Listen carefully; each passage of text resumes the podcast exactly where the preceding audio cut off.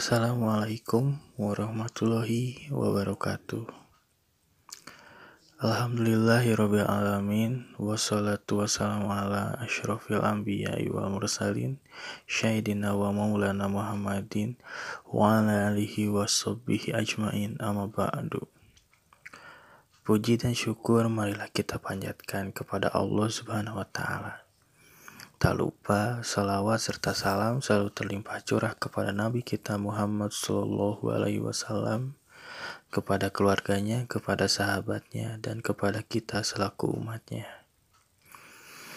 Dalam kesempatan ini, Mi Podcast edisi Kultum akan membahas mengenai memaknai Ramadan. Bersama sahabat saya Gugun Gunawan, mari langsung saja kita dengarkan Mi Podcast edisi Kultum.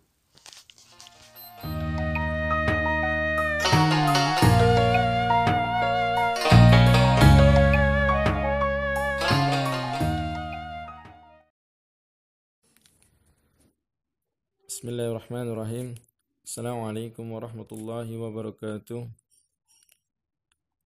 الحمد لله رب العالمين الصلاة والسلام على أشرف الأنبياء والمرسلين سيدنا ونبينا محمد وعلى آله وصحبه أجمعين أما بعد فقال الله تعالى في كتابه الكريم أعوذ بالله من الشيطان الرجيم بسم الله الرحمن الرحيم يا أيها الذين آمنوا اتقوا الله حق تقاته ولا تموتن إلا وأنتم مسلمون. وقال أيضا أعوذ بالله من الشيطان الرجيم. يا أيها الذين آمنوا كتب عليكم الصيام كما كتب على الذين من قبلكم لعلكم تتقون. وقال أيضا أعوذ بالله من الشيطان الرجيم. بسم الله الرحمن الرحيم. الذين آمنوا وتطمئن قلوبهم بذكر الله على بذكر الله تطمئن القلوب صدق الله العظيم الآية والله أعلم بمرابي الحمد لله الحمد لله segala puji bagi Allah Tuhan semesta alam yang mana kita panjatkan puji dan syukur kepada Allah Subhanahu wa taala yang mana masih memberikan kita berjuta-juta kenikmatan berjuta-juta kesempatan, terutama nikmat iman dan nikmat Islam. Tak lupa salawat serta salam kita limpah curahkan kepada junjungan kita, kepada panutan kita, Habibana wa Nabiyana Rasulullah Muhammad sallallahu alaihi wasallam, kepada para keluarganya, kepada para sahabatnya, kepada para tabi'in itba'u tabi'in dan mudah-mudahan sampai kepada kita selaku umatnya yang insya Allah kelak berharap mendapat syafaat darinya. Amin ya rabbal alamin. Alhamdulillah tidak terasa kita sudah menjalankan ibadah puasa untuk yang ke beberapa harinya. Alhamdulillah suatu nikmat yang patut kita syukuri yang Allah berikan kepada kita sebuah nikmat yang tidak bisa kita hitung nilainya dan hanya cukup kita syukuri.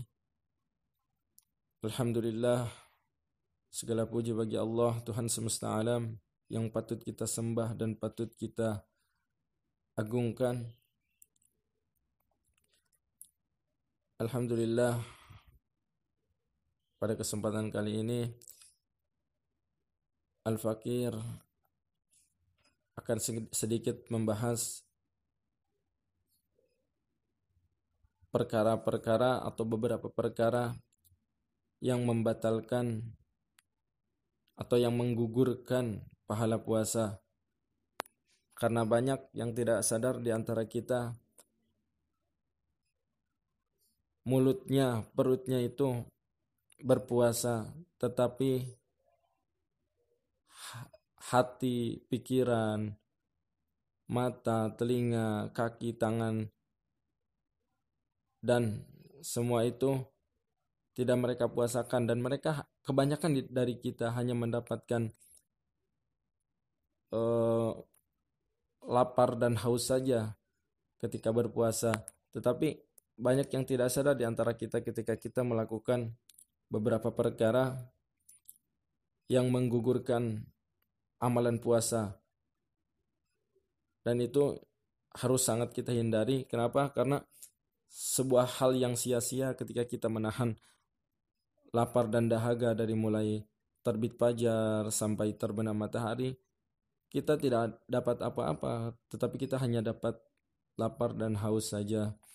Masya Allah, sangat ini beberapa perkara-perkara yang harus kita jauhi di antaranya Rasulullah Shallallahu Alaihi Wasallam bersabda lima perkara yang menggugurkan pahala puasa yaitu yang pertama al-kazim. Yang kedua al-ghibah. Yang ketiga wan namimah yang keempat al-yaminul kadzibah dan yang kelima an-nazar bisyahwat. Kita bahas yang pertama yaitu al-kazim. Apa itu al-kazim sehingga dapat membatalkan atau menggugurkan pahala puasa kita? Al-kazim ialah perkataan dusta atau bohong. Masya Allah banyak yang tidak sadar di antara kita ketika kita berpuasa, tetapi kita masih saja suka berbohong dan berkata dusta. Sungguh itu sebuah perkara yang harus kita jauhi karena al-kazim atau berdusta, berkata bohong itu akan menggugurkan pahala puasa kita dan kita tidak dapat apa-apa dari hasil puasa kita hanya mendapatkan lapar dan dahaga saja. Katakan saja apa yang memang sebenarnya daripada kita berdusta, daripada kita berbohong, apalagi di bulan yang suci ini kita sedang melatih karena sejatinya puasa itu tidak hanya melatih um, melatih menahan lapar dan dahaga tetapi juga mulut agar senantiasa berkata jujur, tidak berkata bohong atau dusta. Maka dari itu kita jauhi perkara yang sangat bisa menggugurkan pahala puasa kita. Yang pertama yaitu al-kazim atau berdusta atau berbohong. Nah, yang kedua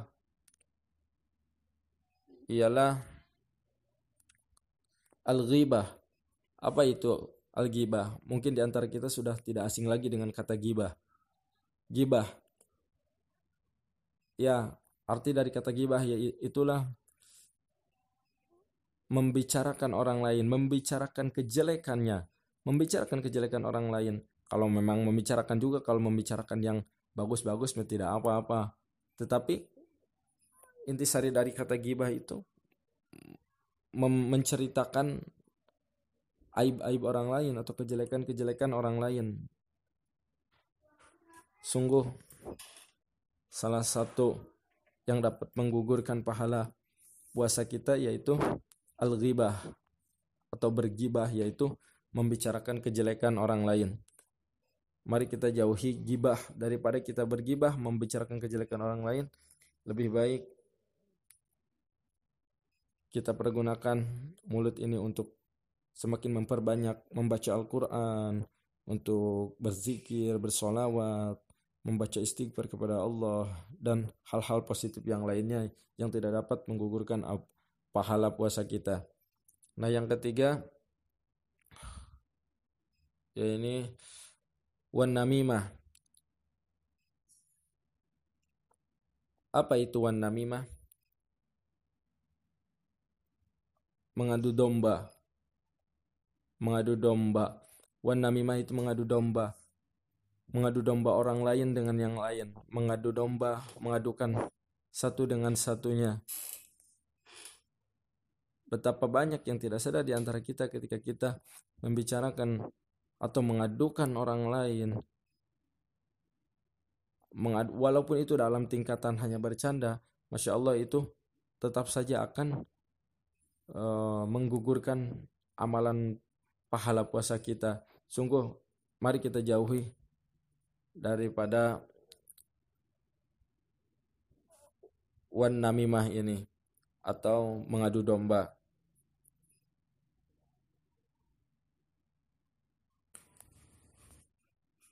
Lalu salah satu perkara yang dapat menggugurkan amalan puasa yang keempat itulah al-yaumul kadim atau sumpah palsu atau sumpah serapah.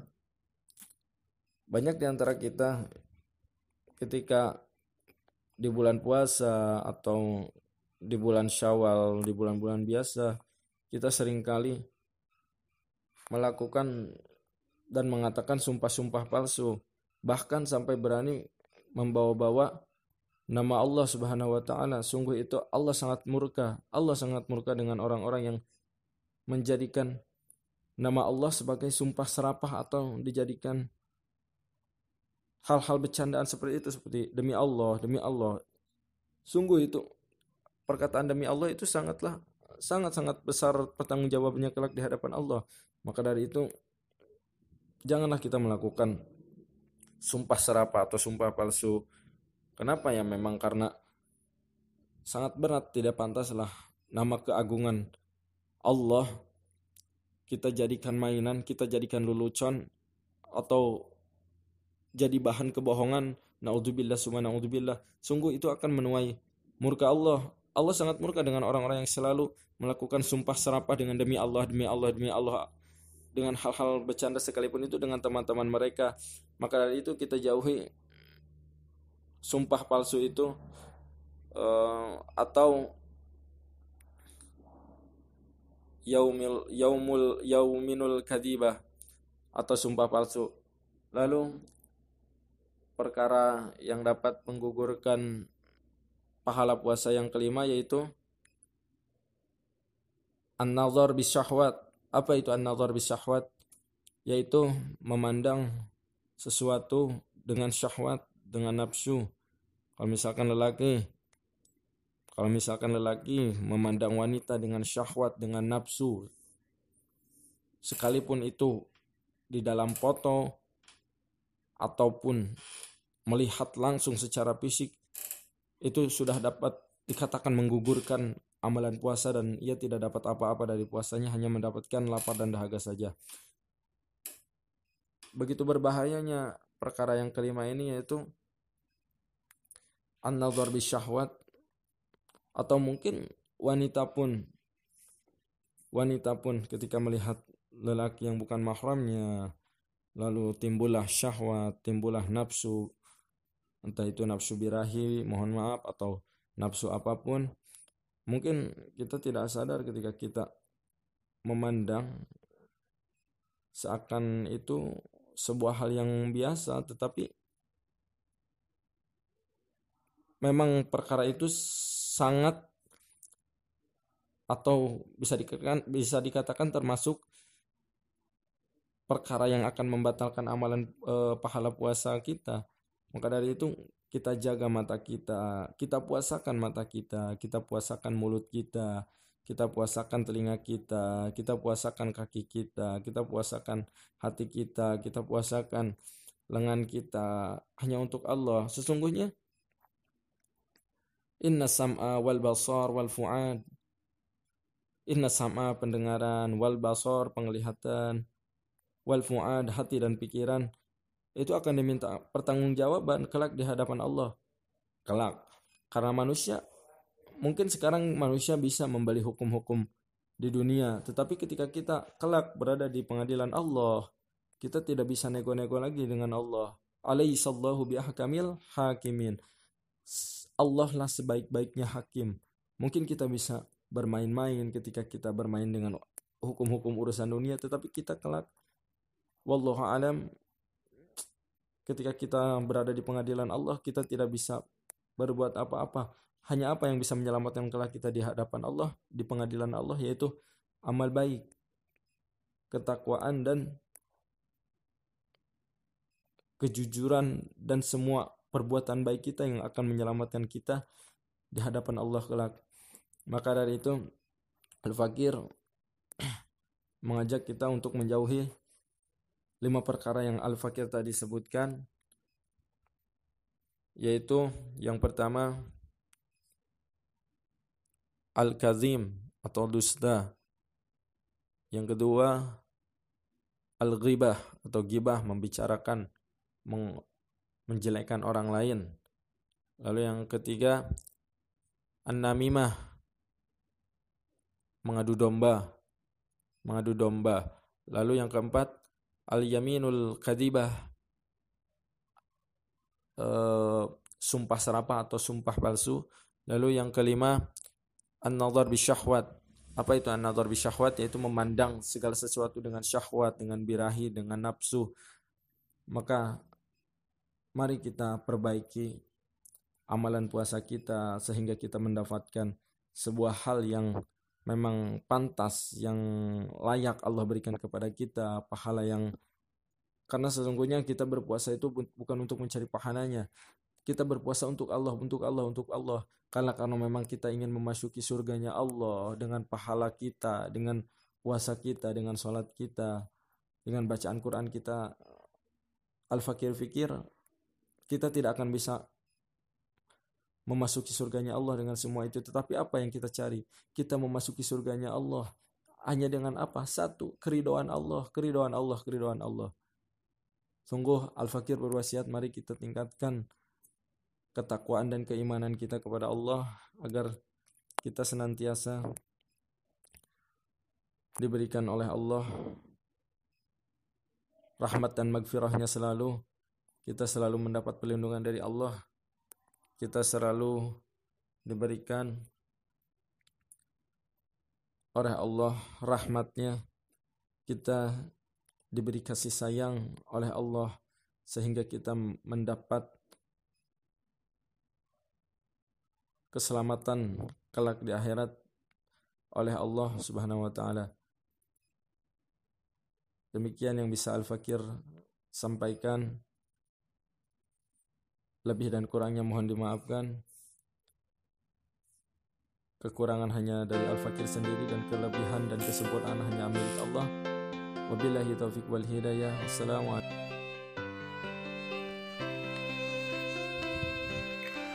Alhamdulillahirrahmanirrahim Tadi kita sudah dengarkan kultum dari sahabat saya Gugun Gunawan Hari demi hari sudah kita lalui Dan kini kita dipertemukan dalam kesempatan ini Tak lupa selalu bersyukur pada Sang Ilahi Agar kita selalu dilindungi dan diberkahi Mudah-mudahan apa yang kita kerjakan di Ramadan ini Menjadi sebuah catatan baik yang dipertanggungjawabkan di akhir nanti. Dan juga pandemi yang dialami kali ini semoga cepat teratasi. Amin. Akhir kata saya Fahmi dan Gugun pamit undur diri. Wassalamualaikum warahmatullahi wabarakatuh.